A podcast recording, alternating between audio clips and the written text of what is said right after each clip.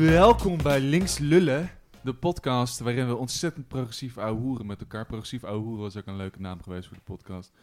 Eh, jullie horen het al, eh, andere stem dan normaal. Ik ben niet Thomas Dolman.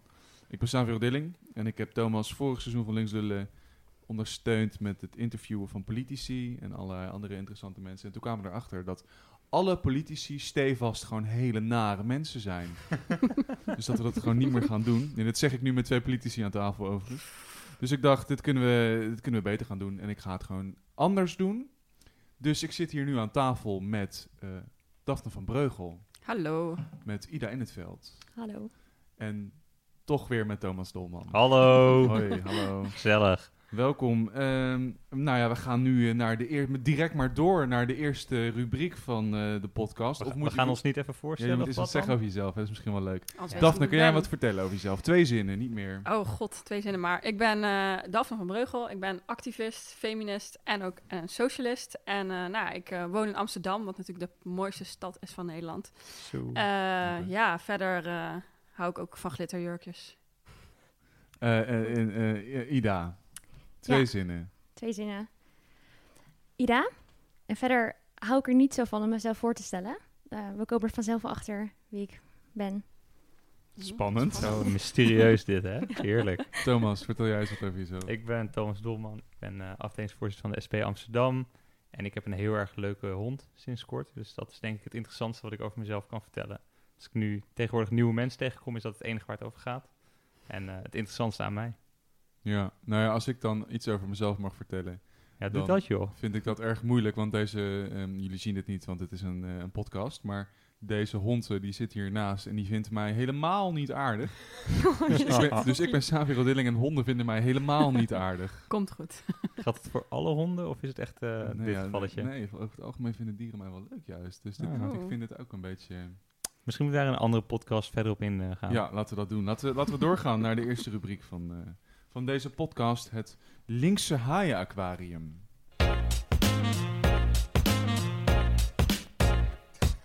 Ja, ik ga vertellen wat dat is. Dat is namelijk een rubriek waar mensen hun linkse fantasieën mogen vertellen aan de rest. En de anderen kunnen dan vertellen of ze hun activisme daarin willen steken of juist niet. En Thomas gaat nu zijn linkse fantasie vertellen. Ja, dit is mijn eh, linkse fantasie van de week. Ehm, ik ben er nog niet heel erg mee getrouwd of zo. Ik vond het meer gewoon een grappig idee. En eh, ja, zoals dan eh, jullie van mij mogen verwachten, heb ik even de cijfertjes erbij gepakt. Ik ga eerst wat cijfers opnoemen en dan eh, gaan jullie daarna snappen waarom dit een fantastisch plan is. En het plan heet Villa's voor de Velen. Want ik hou van alliteratie. Ik vind dit nu al een goed idee. ja, Ja. Klinkt ik lekker, ben benieuwd ja. waar we heen gaan met dit verhaal. hey, ehm, waar, waar hebben we het even over? We hebben het erover dat in Nederland best wel veel mensen eh, geen ruim huis hebben. En enkele mensen wel een heel erg mooi ruim huis, een villa. En dat is eigenlijk best wel oneerlijk verdeeld. Woonruimte is überhaupt in Nederland best wel oneerlijk verdeeld. Dus de hoeveelheid eh, vierkante meter die een persoon heeft. En ik dacht, nou, dat moet natuurlijk allemaal oplossen. En dat is een heel saai voorstel voor. En dat kunnen we allemaal dan lekker gaan rechttrekken ehm, als ooit een keer eh, links een meerderheid heeft. Maar je wil misschien ook een wel wat, wat interessanter, lonkender perspectief. En daarom dus villa's voor de velen. Nou, de cijfertjes. Het voorstel is, iedereen, elk huishouden, mag elk jaar drie dagen in een villa. Je hoeft er niet zelf heen, je mag er met vrienden heen. Het boeit me allemaal niet zoveel wat je ermee doet. Het zijn gemeenschapsvilla's. Elk huishouden drie dagen per jaar in een villa. Hartstikke leuk. Nou, kan dat dan, Thomas? Ja, dat kan heel goed, hoor ik jullie eh, mij vragen in mijn hoofd. Eh, in Nederland zijn ongeveer 7,9 miljoen huishoudens. Dus gemiddeld 2,1 personen, mocht iemand dat nou willen rekenen. Er zijn 365 dagen in het jaar. Nou, dat wisten we denk ik al. Dus eh, je kan 121 huishoudens per jaar in een villa stoppen. Nou, fantastisch. Gaan we even delen door elkaar. Waar kom je dan op uit? Dan heb je 65.000 villa's nodig. Nou, dat zijn er best wel wat. Nou, gelukkig hoeven we die niet te gaan bouwen. We kunnen een deel bouwen. Dat kunnen we verder nog met elkaar bespreken of en hoe we dat willen gaan doen. Maar toevallig zag ik in het AD dat er in Nederland op dit moment, in 2020, meer dan 65.000, hè, hetzelfde getal, Mm. miljoenen woningen zijn. Dat zou je wel eens villa's kunnen noemen. dus daar ligt al wel een mooi eh, verbindingspuntje, denk ik. Dus mijn voorstel is, even samenvatten, villa's voor de velen. Elk huishouden mag elk jaar drie dagen in een villa. Doe ermee wat je wil. Veel plezier. En ik denk dat er genoeg villa's zijn. We kunnen ze erbij bouwen. We kunnen ze opnieuw verdelen. We kunnen het nog even verder met elkaar bespreken. Dit is het plan. Hebben jullie vragen? Ja, ik heb twee vragen. Maar Zo, voordat je ik... pakt ook meteen eh, de mic. Ja, nee, oh ja, nee, ik heb ook... ik, het zijn prangende vragen, Thomas. Ehm, maar voordat ik ze stel, wil ik zeggen dat ik het eh, in, in de geest een goed idee vind. Heel leuk. Maar ehm, ik heb twee vragen en de grootste daarvan is denk ik, hoe ga je dit logistiek aanpakken? En ik zie niet zo goed hoe je... Hoe je hè, want deze 65.000 zijn het er, 65.000 villa's die zijn verspreid over Nederland. Of, of wil je een soort van villa-gemeenschap Park. op Terschelling of zo? een Eh, beetje vakantiepark. Commune. ja, dat, dat kan, ja. Of um, hoe- logistiek. Leg mij eens uit hoe je dit logistiek aanpakt. Wa- Wat bedoel je met logistiek? Hoe verdelen we ze over mensen of iets dergelijks? Nee, ik bedoel, hoe krijg je... Hoeveel dagen per jaar, zei je? Drie. Dit is gewoon een ontzettend grote uitdaging, toch? Om dit... Ook als iedereen in de zomervakantie wil. Want dan wil want ik Mijn vraag was of er een zwembad bij zit dan ook. Want dan wil je natuurlijk in de zomer Dat, dat hangt van de villa af. Misschien is het wel een Ik- binnenzwembad. Ik vind het ook heel interessant dat jullie kennelijk meteen aan één villa denken. Er zijn natuurlijk verschillende. en Misschien kan je daar wel uit kiezen. Misschien doen we dat een deels willekeurig. En deels eh, ehm, wie het eerst komt, wie het eerst maalt. kunnen we allemaal bedenken. Ehm, ik vind het mooi dat deze eh, specifieke beleidsuitwerking door de experts, de ambtenaren, lekker uitgezocht wordt. Ik heb het hier over het grote idee. Ja, nee, 65.000 nee, nee. Dit is, villa's. nee, nee, nee, nee. Jij En vroeg om vragen. Jij vroeg om vragen. Dit zijn de vragen en die ga je dan krijgen ook. Dus we hebben bijna 6 miljoen mensen. Of hoeveel zei? Sorry, ik ben in cijfers. Jij bent de cijferman. Eh, gaat verder. 6, 6 miljoen gezinnen. Of 6 miljoen 7,9. Ja, ga lekker door. 7,9, sorry. 7,9 natuurlijk, want ik weet, ja, ja nee, makes sense. 7,9 miljoen huishoudens, die moeten we dus ergens in het jaar drie dagen naar zo'n villa krijgen. Als je wil, toch? Het mag hopen dat Oh, het je mag vrijwillige ook nee basis zeggen. is. Nou, Absoluut op Vraag vrijwillige me basis. af, ik, nou, laten we, laten we heel, even heel gul zijn en zeggen dat 1 miljoen van die 7,9 zeggen dat ze dat niet willen voor, ik weet niet, omdat ze gek zijn. Ja. Eh, of omdat ze links zijn en daar, en, en daar ideologische problemen bij hebben. en, en, en dan, hoe ga je dat? Dat is toch een ontzettend moeilijke berekening. Dat is toch gewoon een, soort van planeconomie die je daar in het klein gaat opzetten. Ja, goed. Ik, ik, zie de problemen eigenlijk niet zo heel erg in. Ik bedoel, we maken een app, we stoppen er 65.000 huizen in en we kunnen ze ofwel willekeurig verdelen. Hè, dan krijg je gewoon te zien, deze drie dagen mag jij naar deze villa. Eh, we kunnen met een bepaald voorkeur eh rank systeem werken. doen we bij scholen ook trouwens in Nederland. Daar zijn we trouwens ook erg succesvol in. Ehm, daar kan je mee werken als je het leuk vindt. Eh, misschien kan je dagen gaan ruilen. Ik denk dat er heel veel mogelijkheden in zijn. Maar ik heb geen. ehm, ik ben niet de enige die er dan iets over moet denken of vinden. Dus dat, dat soort details gaan we nog lekker uitzoeken. Maar ik denk dat er heel veel manieren zijn via willekeurig, ehm, via misschien ruilen tussen elkaar, dat je er dan wel uitkomt. En inderdaad, zoals Daphne ook zegt, het is vrijwillig hè. Als het de verkeerde dag is, dan ga je toch volgend jaar lekker naar je Maar villa. vrijwillig impliceert wel dat iedereen de mogelijkheid heeft om op willekeurige drie dagen ergens te komen. Maar wat doen we met het vervoer van Amsterdam-Belmer naar Texel? En wat nou als iemand een flexcontract heeft en helemaal niet... Waarschijnlijk Texel. En wat nou als diegene een flexcontract heeft en helemaal niet zomaar drie dagen weg kan? Dat is wel een goed punt. Hoe gaan we daar rekening mee houden? Ja, nee, deze drie dagen worden dus natuurlijk een eh, vrije dagen. Dat kan niet anders. Dat, eh, die moet je dus gewoon vrij krijgen van je werkgever. Vatten we ook lekker in de wet. Heel goed voorstel, Ida. Die pakken we meteen mee. Eh, en je andere punt was het vervoer. Ja, misschien moeten we een andere podcast maar hebben over het, eh, het nationaliseren van het openbaar vervoer of iets dergelijks. Eh, voor nu denk ik dat het even buiten dit probleem eh, valt. Ik heb het nu even over villa's voor de velen. We kunnen niet alles in één keer oplossen. Nee, maar wat nou als je een heel arm gezin bent die eigenlijk niet de trip naar Texel kan betalen? En je hebt wel gewoon je villa-dagen, want dat is hoe dat gaat heten Mhm. natuurlijk. Eh, en, en je kan niet de boot betalen.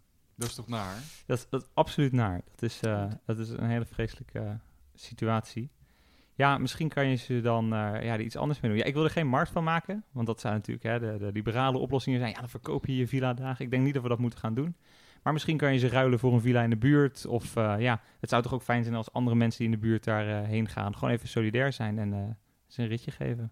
Ik was nog wel Ja. benieuwd eh, van, je hebt het over nieuwe villa's bouwen, maar mij klinkt het idee van het oneindige, onteigenen van die villa's echt veel beter.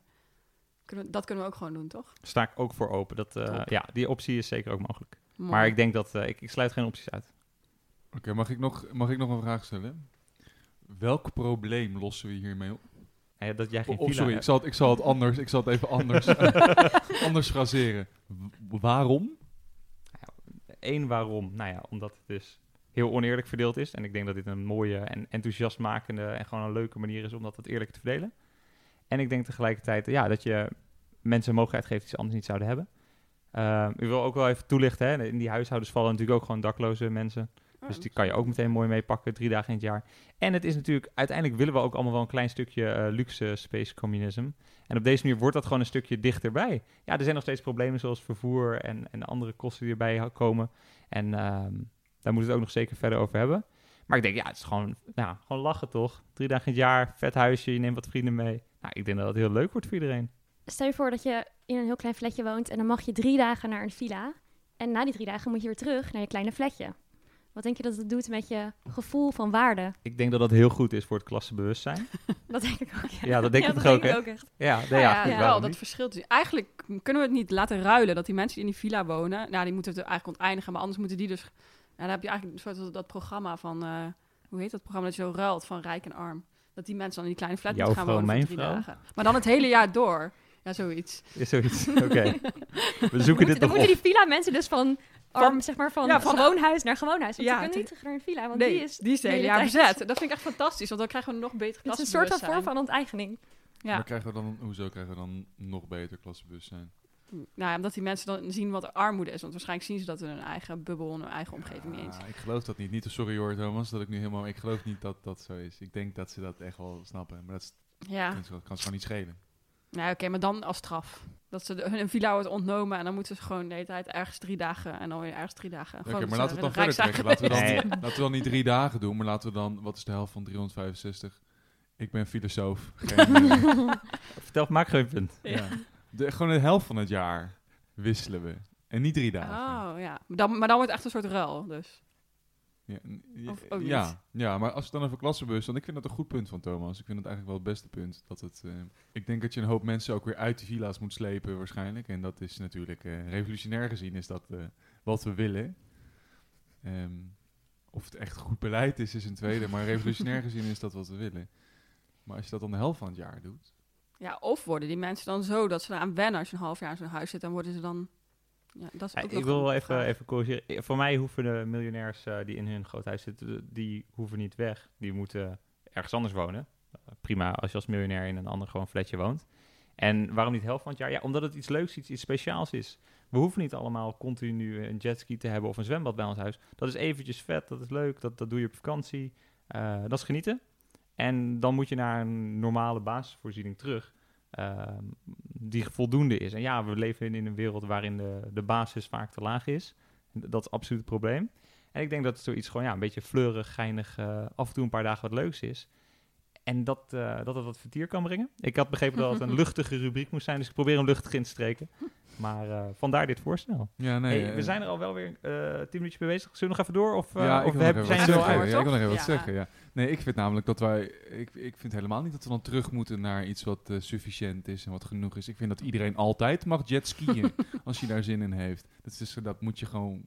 Dat moet je gewoon mogen willen, vind ik altijd. Dus waarom, waarom hè, het is toch een beetje sneu. Als je dan zegt, ah, drie dagen feestje, haha, nu mag je weer terug naar je normale, sufficiënte leven. Dat vind ik, eh, nee. Nee, ben ik met je oneens. Het is eigenlijk gewoon villa's voor iedereen. Niet villa's voor, voor velen, voor Precies. drie dagen. We bouwen voor gewoon iedereen. alleen maar villa's vanaf, vanaf nu. Iedereen gaat... heel Maar is, Nederland dan, is, de, is Nederland daar groot genoeg voor, jongens? Nou, ik denk het wel. Waarom denk je in landsgrenzen? Zo, ja, goed punt, goed Let's punt. go, Ja. Ja. Ik denk, ik denk praktisch wel dat je niet genoeg middelen daarvoor hebt om dat te doen. Om allemaal de hele tijd op een jetski te zitten. Ook überhaupt Oh, denk nu worden we praktisch. Nee, ja, zeker. Ja, ik denk dat je ook de behoefte niet aan allemaal aan hebt. Dus vandaar het idee om het gewoon af en toe, hè, gewoon villa's voor de velen, af en toe een leuk dagje wat anders. En eh, ja, de rest van de tijd, ik denk dat je moet het gewoon leven ook leuk maken. En dit is een beetje de, de hagelslag door, door de, het ijsje.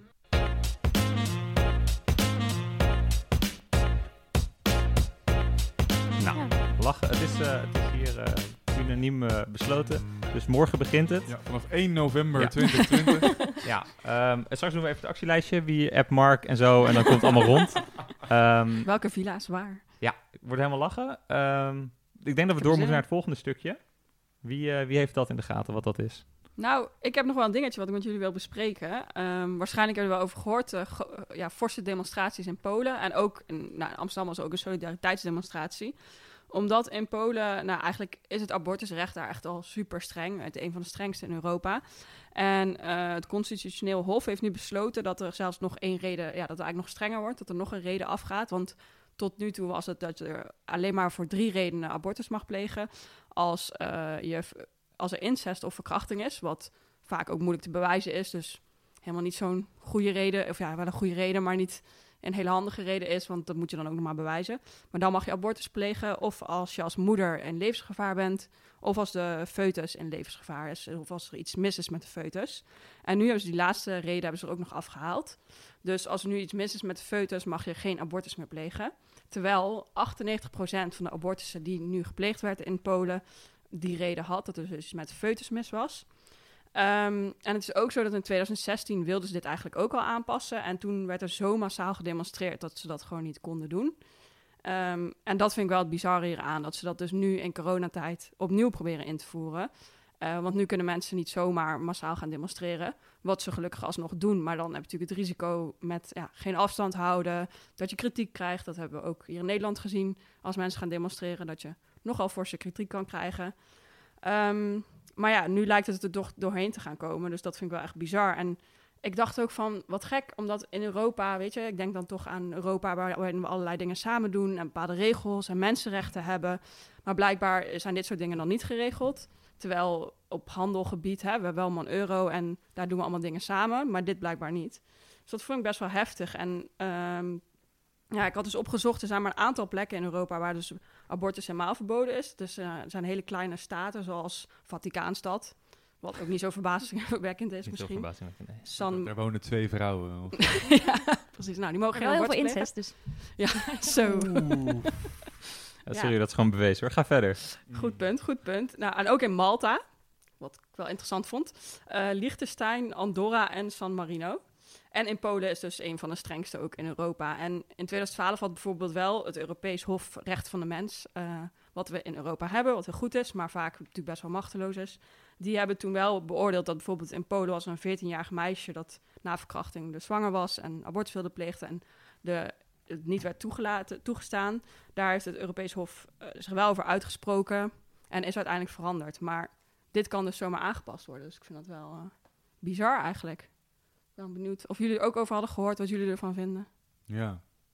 Ja, ik vind het toch moeilijk om dan van eh, villa's naar... eh, echt Even een ander onderwerp. nosedive. Maar misschien moeten we alle Polen drie dagen... Per, nee. nu maak je het nog erger, Saaf. ik, weet niet, ik denk dat je het gewoon niet aan elkaar moet koppelen. Wat wilde je vragen, Savia? Nee, ik, wil, ik wilde niks vragen. Maar ik, ik vind dit soort dingen altijd zo bizar. Omdat jij zegt ook, eh, ze zijn gaan demonstreren eh, Mhm. toen het nog kon. En toen eh, was het zo groots dat het, ehm, dat het niet door is gegaan. Dus het heeft in principe niks met democratie te maken. Nee. Hè? Want men, de mensen willen dat niet. Nee. Maar wie willen dat dan wel? Hè? Dat, is dan, dat zijn dan de bazen, de overheid. Maar waarom in hemels? Ik vraag me Ja. gewoon wel eens af wat daar dan achter zit. Want ik geloof namelijk niet dat... eh, nou, het zullen mannen zijn, mannen op dat niveau. Ja, het zijn die rechtse, conservatieve... geloven dat dat dan... eh, hè, dat dat dan de mensen helpt. Of, weet je, ik, ik vraag me dan heel... Is het dan echt vrouwen straffen omdat ze seks hebben? Ik weet het niet, want het is wel interessant wat je zegt, want ook uit veel onderzoek blijkt dat juist uit landen waar strengere abortusregelgeving is, juist meer abortussen worden gepleegd, meer ongewenste zwangerschappen zijn. Eh, dus, en dan dus vaak illegale abortussen, wat natuurlijk veel heftigere gevolgen kan hebben, eh, vaak heel risicovol is. Maar ja, in Polen heb je gewoon een hele conservatieve rechtse regering nu. eh, en heel gelovig, nou ja, laat ook zien, hè, Vaticaanstad waar abortus helemaal verboden is. Dus het hangt denk ik ook heel erg met geloof samen, of met katholiek conservatieve geloof dan. Dus ja. Maar dat vind ik ook zo gevaarlijk vreemd, want die, zeg maar, de religieuze groep die tegen abortus is, die heeft dan heel vaak over pro-life. En die framen Mhm. dat heel erg alsof ook, ik las dat mensen uit Polen die tegen abortus zijn, dat zij heel erg gebruiken dat ook het Europees Hof van de Rechten van de Mens dat ergens heeft geschreven dat ongeboren kinderen, net als gewone kinderen, beschermd moeten worden. En dat was voor hun een reden om te zeggen, ja, dus dat ongeboren kind moet beschermd worden tegen dat hij nou, niet meer kan leven.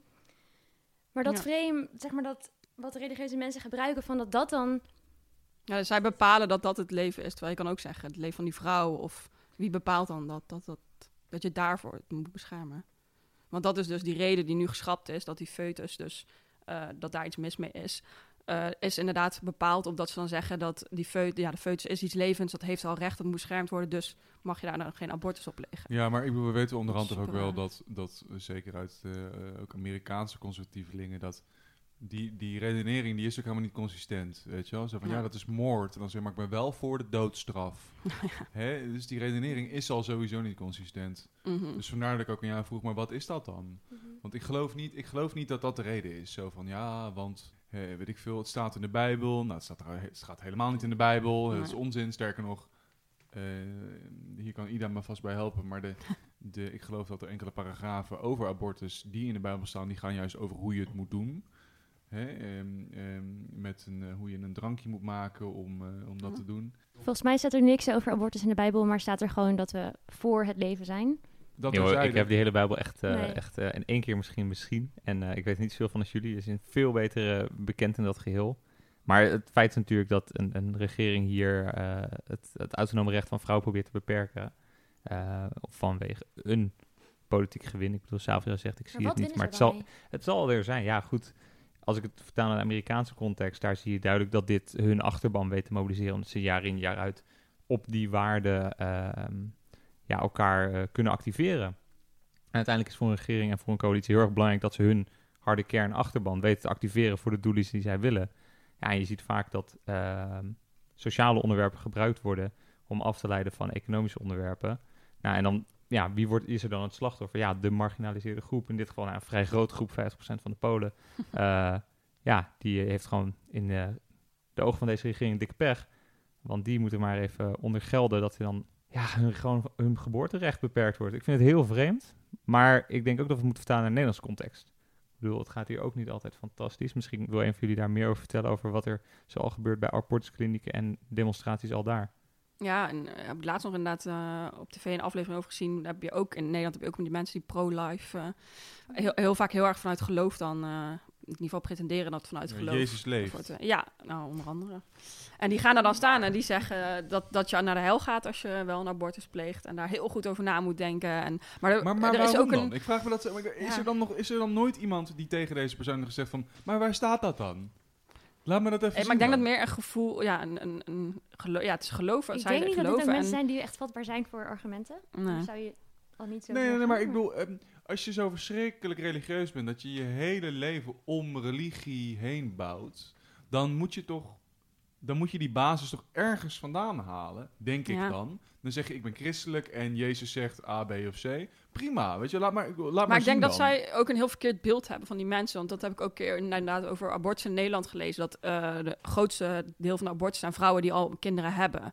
En het beeld wat we toch vaak met z'n allen hebben is een 16-jarig meisje. Of iemand die al, er wordt vaak, eh, dat zag ik ook in die, eh, in die aflevering van... Ja, dat zijn vrouwen die al meerdere malen achter elkaar een abortus en dan is het fout. En ik denk dat zij ook heel erg het beeld hebben dat dat dan misschien vrouwen zijn die niet eh, verantwoordelijk zijn. Of hè, dat het dan een soort van je eigen schuld is, wat natuurlijk belachelijk is. Maar, nee, maar, maar zelfs dan. Ja. Ik Ja, en zelfs dit is- dan, dit is precies. onzin natuurlijk. Want Ja. inderdaad, eh, volgens mij, ik, ik, Maar ik dat ga ervan uit dus dat er, dat er nul vrouwen zijn die voor hun, voor hun lol een abortus nemen. Hè? Ja. Dat is dat, dat, dat ten eerste. Ja. Maar al sure. was dat wel zo. Precies, nog steeds je nog. recht. Ja. Ja. ja, maar ik denk dat dat ook wel echt de conservatieve is. Van dat een vrouw het niet zelf mag bepalen. En dat je als, nou ja, vanuit je geloof of als man of als regering daar dus over gaat. In plaats van dat een vrouw zelf mag bepalen wat zij met haar lichaam doet. Nou, ga hem toch even proberen, hè? Dus doe even allemaal je ogen dicht. Wacht En-. Wat gaan Stel- we doen? En stel ik je, heb stel je nee, een fantastische linkse eh haaien aquarium bedacht. Nee, sorry, dit is voor de dit is voor de volgende keer. Oké, stel het je even oprecht voor. Je gelooft dat een mensenleven begint bij de bevruchting. Daar begint het leven. Daar geloof je oprecht, daar ben je volledig van overtuigd. En laten we even helder zijn. In de wetenschap kunnen we daar helemaal niet een grens in trekken. Je zou nog een grens ergens kunnen trekken op een gegeven moment als een, een, een levend wezen bewust wordt. Dat is heel moeilijk natuurlijk bepalen. Zou je bij kinderen kunnen zeggen dat er rond een jaartje of drie, vier misschien zoiets gebeurt. Maar goed, wij gaan nu zeggen, hey, dat leven, of de potentie tot leven, die gebeurt op dat moment, bij bevruchting. Als je dat oprecht denkt, dan, gebeuren, dan is abortus inderdaad moord. Nee, Dan is dat daadwerkelijk vreselijk. Jij vindt van niet? Nee, want op zich geloof ik best dat zeg maar, de kiem van het menselijk leven ontstaat bij bevruchting. Maar ik denk dan, stel je voor dat er inderdaad een God is, Hmm. dan, dan zal die God ook, want die kan natuurlijk ook jouw gevoelens als vrouw ook begrijpen. Dan ziet hij hoeveel wanhoop jij hebt of welke Ja. reden je hebt waarom je dit doet. Dus juist, en misschien als dat kind al een soort de potentiële baby in de hemel nog zit te wachten, dan zal die ook die moeder zien en begrijpen wat de reden is waarom ze dit doet. Dus voor mij is het religieus argument sowieso niet. Maar dan zeg je wel, dan is de afweging we- wel dus die, die, je maakt, of die de vrouw in dit geval maakt, die zegt, ik weeg mijn leven tegen dit andere leven af en ik maak daarin een moeilijke Nee, dat keuze. vind Nou, ik ook ook, het wel leven geen van het kind, want je- ja, want zeg maar, welk kind wil geboren worden bij een vrouw die dat kind niet wil? Heel goed punt. Ja. Nee, maar jij stelt je nu een god voor die inderdaad eh, eh, eh, super relaxed is. maar ik denk gast. dat, eh, ja, super chille guy. Kan Deze guy? fijn Waarom guy? Een Ja, beetje- het kan ook een vrouw zijn. Deze een godpersoon is sowieso voor mijn Villa's voor de Vele voorstel. Ehm, we, we zijn echt niveaus hier aan het raken. Hou op met me. Ja, zo. Wat wil hij zeggen, uh, Sabriel? Ja. Nee, dat, ehm, dat jij je een, hele, een, een heel soort ander god voorstelt dan die mensen, denk ik. Ik denk dat zij vooral een god voorstellen die heel erg straft. Dus ik vind het een goede vraag van Thomas, hoor. Maar, maar hè, je moet het inderdaad kunnen staven. En zoals je zelf ook aangeeft, dat is wetenschappelijk niet te staven. Ehm, je kan je ook bijvoorbeeld eh, verschrikkelijk schuldig en een ontzettende moordenaar voelen als je in een, in een kliniek eh, een stel buisjes omschopt. Hè? Dan, ja, dat, dat is ook, eh, dan, dan ben je ook een moordenaar. Is, zeg maar. is dit het argument op niveau van eh, elke keer dat een man eh, masturbeert, is dat dus ook massamoord? Dit was dus ook mijn... Misschien wil je even toelichten, want ja, kennelijk weten wij dit allebei wel, maar de dames aan tafel niet. ja, ja, ja, nee, maar goed, dit, die- als, hier is Pieter Singer, een hele bekende filosoof, heeft hier ook een heel belangrijk argument ooit over geschreven. Chill, dat scheelt weer. Nee, gewoon over het feit dat je wetenschappelijk helemaal geen grens kan stellen. Dus het is of, weet je wel, je zegt ja, het is moord, maar soms is moord oké. Zoals Mhm. bijvoorbeeld ook ehm, de doodstraf soms oké vinden in bepaalde contexten. Ja. Of je zegt het is geen moord. En dat ertussenin, van ja, er is een bepaalde quickening, een bepaald moment waarop een mens, dat is gewoon Mm. wetenschappelijk, dat is gewoon onzin. Dus daar kan je helemaal geen argumentatie op baseren. Ehm, dus vandaar dat ik dit, eh, dat ik dit. Maar dit, dit was dus mijn linkse haai-aquarium. Zijn vrouwen dan ook schuldig elke maand dat ze ongesteld worden? Of dat er komt, overkomt hun gewoon dat is? Ja, dat is toch ook elke, dat er elke maand een potentiële baby verloren Ja. gaat? er komt wel iets uit, zeg maar. Dan, eh, We dat zijn gewoon allemaal zondaars. Dat is, Ah. dat is de conclusie Oh. van deze Hey, maar nog even- Ik, bedoel, ik dacht dat het een deprimerende de- actualiteit was, maar het werd eh, ja, nog deprimerender. Misschien Oh. moeten we gewoon alle Polen drie dagen...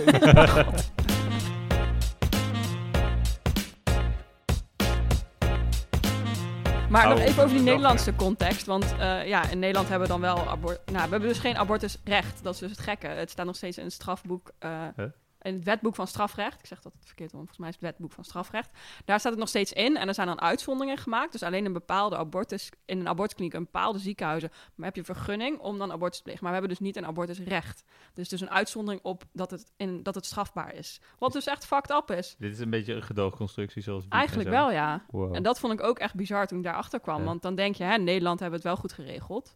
Maar dat ja, is ook nog niet helemaal goed geregeld. Want dat hangt ook weer samen met het taboe, wat jij net zegt. Hè? Je, mensen straffen vanuit het geloof. Ik denk dat het daar ook heel erg mee samenhangt. Van dat het iets is, het is iets verkeerds. Het, jij hebt iets fout gedaan. En eh, nou, als we het ook zelfs nog in het strafboek hebben staan, vind ik wel bizar. Het is een recht dat jij die keuze hebt. En niet een straf waar jij van uitgezonderd wordt. Mag ik je iets over vragen? Want hè, het is natuurlijk eh, hè, verkiezingsprogramma tijd. En dit is eh, op zich heel vreemd dat dit nog zo verkeerd opgeschreven staat. In ieder geval in Ja. mijn overtuiging verkeerd. Dus weet jij of er partijen zijn die zeggen, nou, dit gaan we anders doen? Dat is een goede vraag. Volgens mij eh, is GroenLinks en PvdA, eh Partij van de Arbeid, hebben wel in ieder geval een initiatief ingediend ook eh, dat de abortuspil ingevoerd moet worden. Dat is een pil die je kan nemen tot, volgens mij uit mijn hoofd, negen weken of misschien zes weken.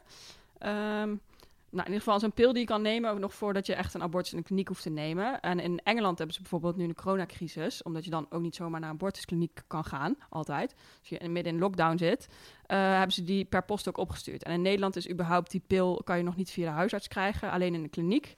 En dat zou ook al een hele goede stap zijn om het ook toegankelijker te maken. En nou, gewoon prettige ervaring en nazorg voor de vrouw in dit geval. Uh, maar die pil uh, is nu ja, dus nog strafbaar om via de huisarts uh, te verkrijgen. Of de huisarts om die te geven aan iemand. En nou, GroenLinks en Partij van de Arbeid hebben er wel een initiatief voor ingediend. Wat nog, waar nog over gestemd moet worden. Dus, eh. Nou, dus ook in Nederland eh, kunnen we aan de bak. En niet, Ja. niet alleen in Polen, maar ook hier is er nog een wereld te winnen. Helaas Eh. moeten we nog altijd blijven strijden voor vrouwenrechten. Ja, en te verliezen dus ook. Ik moet Ja. dan even Ja. denken aan, eh aan eh, eh, Forum voor Democratie, eh, waar eh, de partijtopman, eh, hij die niet genoemd zal worden, eh, Henk. Henk, eh, ook zo'n stuk had geschreven over abortus ehm, Oh ja? voor een Oh, ik Amerikaanse. nou, dat is echt, dit is maanden geleden. Volgens mij is dit nog Oké. pre-coronacrisis. Ja, het is pre-coronacrisis. Daar weet ik echt niks meer van. Ik de coronacrisis. times. Ja. Ja. Hey, ik was er maar lekker aan het afronden. We gaan door denk ik naar een volgende actualiteit. En ehm, ik geloof dat ik daar voor Sabriel het woord ga geven. Ja, die is van mij. Ik wil graag met jullie praten over die motie ehm, voor meer salaris van het zorgpersoneel.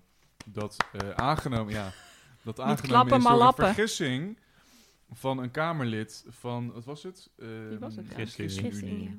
Ik, eh, ik had haar naam even opgeschreven, maar eh, Van der Graaf. Ehm, dus die zei voor te stemmen, maar ze bedoelde eigenlijk tegen. En eh, toen is die motie aangenomen, alleen omdat het een foutje was, gaan ze er nu niks mee doen. Eh, en dat, eh, ik vraag me gewoon heel erg af hoe jullie dat zien. Ik vind het vooral democratisch en ik had verschrikkelijk interessant. Want het is dus met eh 69 stemmen voor, 67 stemmen tegen. En door dat foutje van eh, eh, eh, mevrouw Van der Graaf is het zo uitgevallen. Anders was het dus eh, een andere telling geweest. Hè? En nu is die aangenomen en we gaan het gewoon, nee, we gaan het gewoon niet doen. Dat was een foutje. Maar even nog aanvulling erop. Dit is ook de zoveelste keer, ik geloof de vierde of de vijfde keer of zo, dat dit in stemming is gebracht. vierde keer. Ehm, dat getuigt natuurlijk ook wel van, een, ik bedoel, er is al vier keer hiervoor is dit weggestemd. Eh, nou ja, hè, door de regeringscoalitie, et cetera. ja en nu is die, nu is die voorgestemd. Nu is er door, inderdaad door een foutje, want laten we dat duidelijk zijn, is het voorgestemd. En nu is het ingestemd. En de regering zegt, en ik hou hier niet van om hun uit te gaan leggen, maar goed. Ze zeggen dat ze dit gaan doen, maar dat ze het moeten uitzoeken of zo. Dus er komt een rapport en over een tijdje gaat het misschien een keer gebeuren. Dus het gaat gewoon nooit gebeuren. Nee, zeker, Eh, mogelijk. Eh, maar ze zeggen natuurlijk wel de motie uit te voeren. Het is niet dat hier keihard wordt gezegd, ja nee, dat foutje zoekt maar uit. Dus ze zijn niet zo brutaal. Maar dat is eigenlijk dit, nog eh, erger, want daarmee kabbelt het een beetje naar de achtergrond van we zien het al in de toekomst. mhm. Ik vind het gewoon de, debiel dat je als Kamerlid... Je wordt, weet je hoeveel die Kamerleden betaald krijgen? Echt veel. Ik Ben, Hoeveel? nou, ik ben niet zo goed met cijfers, helaas. ik hoopte, ik keek naar Thomas, de cijferman hier. Maar die krijgen hartstikke veel betaald. Je moet gewoon opletten daar. Ja, als je dan fout stemt, ja, dat is gewoon dom. Dan hadden ze, hadden ze maar gewoon... Ja, hadden ze maar beter op moeten letten. Dus, dus aangenomen, ze moeten ook uitgevoerd worden. Dat vind ik ervan. Ja, vind ik ook goed. En ik, ik moet dan ook denken aan het, ehm, het voorgeval van Grapperhaus. Dat mensen zeggen van, ja, hij is ook een mens. En dan denk ik, nee, maar hij is, hij is weet je wel, minister Die politici zijn geen mensen. Nou, maar goed, je bent toch ook geen mens? Je bent een Je volksvertegenwoordiger. bent in functie. Ja, precies. Hey, even over die geen mensen. Eh 116.000 euro per jaar. Dat Hoeveel is dat per maand? handje. Want dat dat is zegt eh, maar nog steeds niks. 8.372 Oeh. euro en 65 cent per maand. En dan krijg je ook nog Bruto. Bruto. vergoeding je hè, voor je woning. Vijf ruggen, Weet ik veel, fok veel. Veel. zes ruggen, vijf, zes. Ik heb denk zes of zo. En dan krijg je ook nog vergoeding hè, Lekker voor, eh, voor logeren daar en voor reiskosten en weet ik het wat allemaal. Helemaal mooi. Maar, kan je foutje maken. Nee, dan kan Of je dus kan geen niet? foutje Nou, maken. dat, nou goed, Want dit vind ik een beetje een argument in de trend van... ja, maar de CEO krijgt heel erg veel betaald en nee, is competent. eens. Het gaat Ik bedoel, niet om het dit geld. zijn gewoon mensen die zijn verkozen. Ja, het- hoe competent of ze niet competent zijn, kunnen we nog heel lang over hebben. En ze krijgen een dik salaris. En dat vind ik een beetje veel. Maar deze persoon heeft een foutje gemaakt. Eh, dit is oprecht niet haar intentie geweest om dit te stemmen. Eh, nou in? ja, nee, ik ja, denk maar, dat dan, uitmaakt. maar als we, ja, maar wat, wat wil jij dan? Dat we het dan terugdraaien? Want dan kunnen we altijd, kan een politici- politicus elke keer zeggen: Oh nee, ik bedoelde toch iets anders. Dat, Nou, dat ik denk dat, de stemcorrectie, ik denk dat de stemcorrectie helemaal niet vreemd is. Dat aan het einde van de stemming zegt, en u heeft dit gestemd. En dan zeg je, wacht, dat is niet wat ik gestemd heb. Of dat is niet wat ik bedoelde te stemmen. Ja, ik denk dat je met een bewuste intentie moet stemmen... die langer duurt dan de vijf seconden waarna je het per ongeluk gezegd hebt. Ja, dat je een uur later zegt, nee, dat wilde ik inderdaad nog steeds. Nee, maar ik vind dat dit waar is als wij hier met z'n vieren aan tafel stemmen over wat we gaan eten vanavond. Of welk Of Shark welk Tank, Shark eh, Tank. Shark Precies. Aquarium idee we willen. Haaien Dan Aquarium. vind ik het waar. Maar dit zijn dus mensen die, nou goed, eh, het salaris buiten gelaten, want ik denk dat Thomas gelijk heeft. Dat moet, je moet die Ja, waarde moet je niet koppelen aan, aan, aan het belang. Dat is, dat is onzin. Mhm. Hè, puur maatschappelijk gezien is een verpleegkundige ook veel belangrijker dan de CEO van, weet ik veel, Alles. Alles. ja, een bedrijf.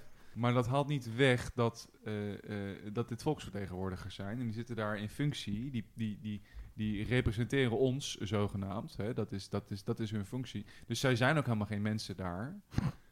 Dat zijn ze daar gewoon niet in hun functie. Dat vind ik oprecht, hè? je, hebt, je eigent je macht toe omdat je daar zit. En je krijgt die macht puur omdat jij zegt: nee, maar ik spreek voor jullie. Ik ben eigenlijk, ik spreek niet voor mezelf, hè, maar ik spreek voor jullie. Dus deze ChristenUnie mevrouw, die spreekt niet voor zichzelf, voor mevrouw Van der Graaf, maar die spreekt voor de mensen van de ChristenUnie die op haar gestemd hebben. En dat je dan, eh, en dat je dan op dat niveau, dat je dan eh, eh, fouten maakt. En we weten dit niet, hè jongens. Voor hetzelfde geld was het een soort van... ehm, Ja, dit is mijn favoriete onderdeel. Let's Ja, go. ja, ja, Ja, ja. Complottheorie, aluminiumhoedjes let's op. go. Ik, Misschien eh, durfde ze niet voor uit te komen dat ze er eigenlijk voor was. Ja, nee, ik heb Lange Frans ook uitgenodigd hier. Gaat ons vertellen over... Nee, maar ik, God. ik- ik denk dat... eh, nee, ik denk dat niet. Maar het zou zomaar kunnen dat zij voor heeft gestemd en eigenlijk... dat ze eh, achter de schermen daarna Mm. door heeft gekregen... nee, maar je moet tegenstemmen. Maar het is sowieso interessant in dat opzicht wat jij zegt. Daar moet je niet vijf seconden, maar ook een jaar of wat zei je, ook nog erachter staan. Maar dat is sowieso een probleem toch? Want dat zien we sowieso veel politici die andere dingen zeggen dan ze doen. Of andere dingen doen dan ze het zeggen of beloven. Dus ja. Dan kunnen we wel bij meer politici gaan zeggen... nou, zullen we even stemcorrectie doen? Ja, Weet je nog steeds dat je daar, dat vindt? Ik Hm? snap ook niet zo goed waarom, eh, tenminste, misschien heeft iemand dit gezegd. Ik, heb, ik zit niet de hele tijd eh, Politiek 24 te kijken, maar ik vind het heel bijzonder dat niet... Wat doe je dan in deze podcast? Ik bedoel, hallo? Sorry. Ja, helaas. Nee. Ah, shit. Ik dacht, Be- Jammer dit. betaal me. gewoon actie voeren, dat zeker. Maar eh, dat een Lilian Marijnissen of een, eh, of een Jesse Klaver of een, of een, of een Asscher niet heeft gezegd van... hé, hey, maar dit is leuk, want nu weet ik dus dat volgende keer dat links aan de macht is... kunnen wij ook gewoon doen waar wij zin in hebben. Maakt dan maar geen ruk uit hoe de stemming uitvalt. Zeg ik, nee, sorry, eh, we hebben het niet zo bedoeld. En eh, nou, weet je wat, we, gaan, we zetten er een, com- een comité op, we gaan het, we gaan het uitzoeken. We gaan het gewoon uitzoeken. Dat, Nee, dat maar- zou mijn maar dreigement dat zijn even- geweest maar van... Samuel, nee, dit maar gebeurt respect al. the process. Nee, maar dit gebeurt dus al aan de lopende band. Dan moeten we even terug naar eh, eh, Ja. voor de zomer. In de Eerste Kamer was er toen een of andere motie aangenomen door Tini Cox. Wat een hele mooie naam is, mag ik even zeggen. Ja, dat is gewoon een goede naam. Kan je een hoop van zeggen, is een goede naam. Ehm, voor bepaalde ik denk van de SP. En eh, die motie ging over dus bevries van de huur, als ik me niet vergis, corrigeer me. En eh, aangenomen in de Eerste Kamer. En de minister zegt, ja, leuk verhaal. Kom erop terug. Nog een keer aangenomen. De minister zegt, leuk verhaal, ik kom erop terug. De minister weigert het gewoon te doen. Ja, die shit gebeurt. Dat is eh, compleet bizar. Dat is een falen van hoe dit democratische systeem werkt. Maar het gebeurt wel. Ja, nee, ik ben het er ook niet mee oneens dat het gebeurt. Ik vind dit gewoon een ontzettend interessante blik eh, in hoe dat gebeurt. En hoe het gewoon één groot verhaaltje is wat we elkaar Gewoon vertellen. een toneelstukje daar. één groot toneelstukje.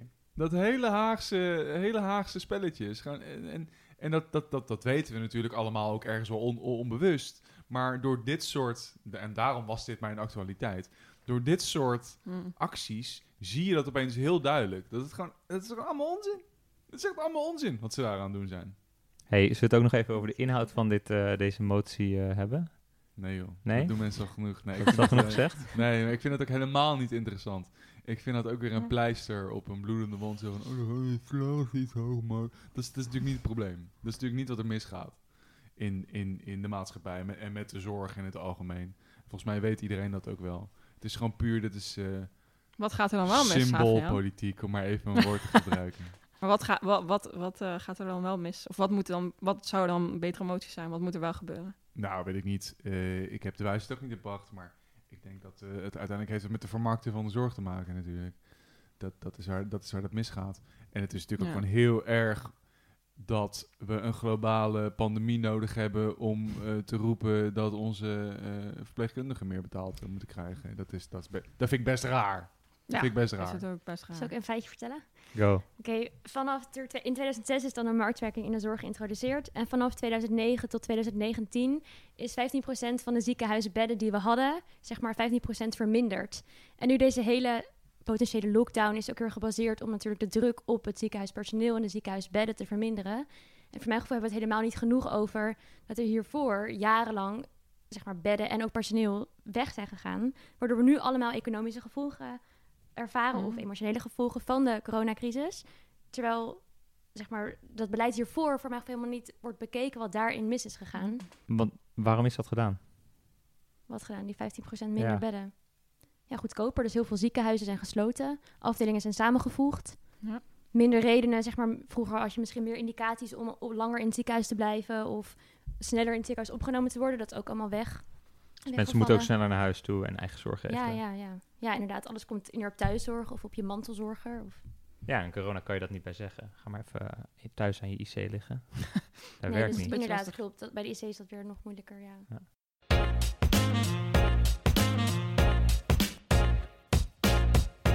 Zo. Opbeurende podcast dit. Ja, we moeten wel een beetje op een high note eindigen nu, vind ik.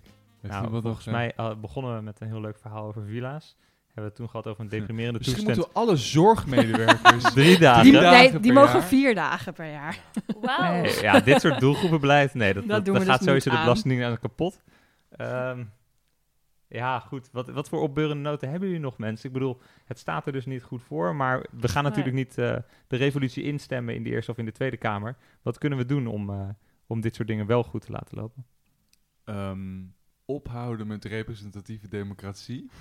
Dat Ik- lijkt me stap 1. Is dit een linkse haaien eh, aquarium voor de volgende week? Nou, nee, dit is toch een heel gangbaar idee binnen links. Dit is toch helemaal niet iets nieuws wat ik hier nu zeg. Ik denk gewoon dat we daarmee op moeten houden. Ik denk, en dat, ik denk dat dit soort dingen daar bewijs van zijn. Dat dit gewoon één grote poppenkast is. Ja, precies. En dat we dat anders moeten aanpakken. En eh, anders over na moeten denken met elkaar. En in ieder geval die villa's dus onteigenen. En dan nog meer, meer macht naar de mensen. Ja. En iedereen een abortus. Gratis. Gratis. Voor Iedereen. Ja, verplicht. Iedereen verplicht een abortus. ja, weet je is. Ja, dat wordt wel een beetje vreemd, hoor. Ida, wil jij nog iets toevoegen? Nee.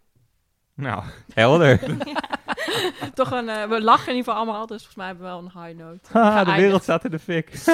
Nee, maar wij moeten dus in actie komen en protesteren waar En het misschien kan. is het fikken wel gewoon een goede grond voor revolutie. Bij bosbranden is dat wel vaak het geval. Hè? Dat, eh, Oh. ja, kan een bosbrand heel Goeie eh, zinnig zijn om daarna weer de, de boom te laten groeien.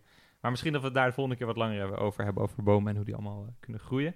hey, ik ga er een einde aan breien. We zijn alweer drie kwartier aan het links lullen. En dat vind ik een mooi. Progressief ouwe hoeren vind ik ook mooi. Progressief oude Ja, hoer, maar dat allitereert goed. niet. Nee, dat is waar. Dat, dat, dat heb, nee, heb je gelijk in. Daar komen we nog op terug. Oké. hey, eh, laatste woordjes van iedereen. Ida?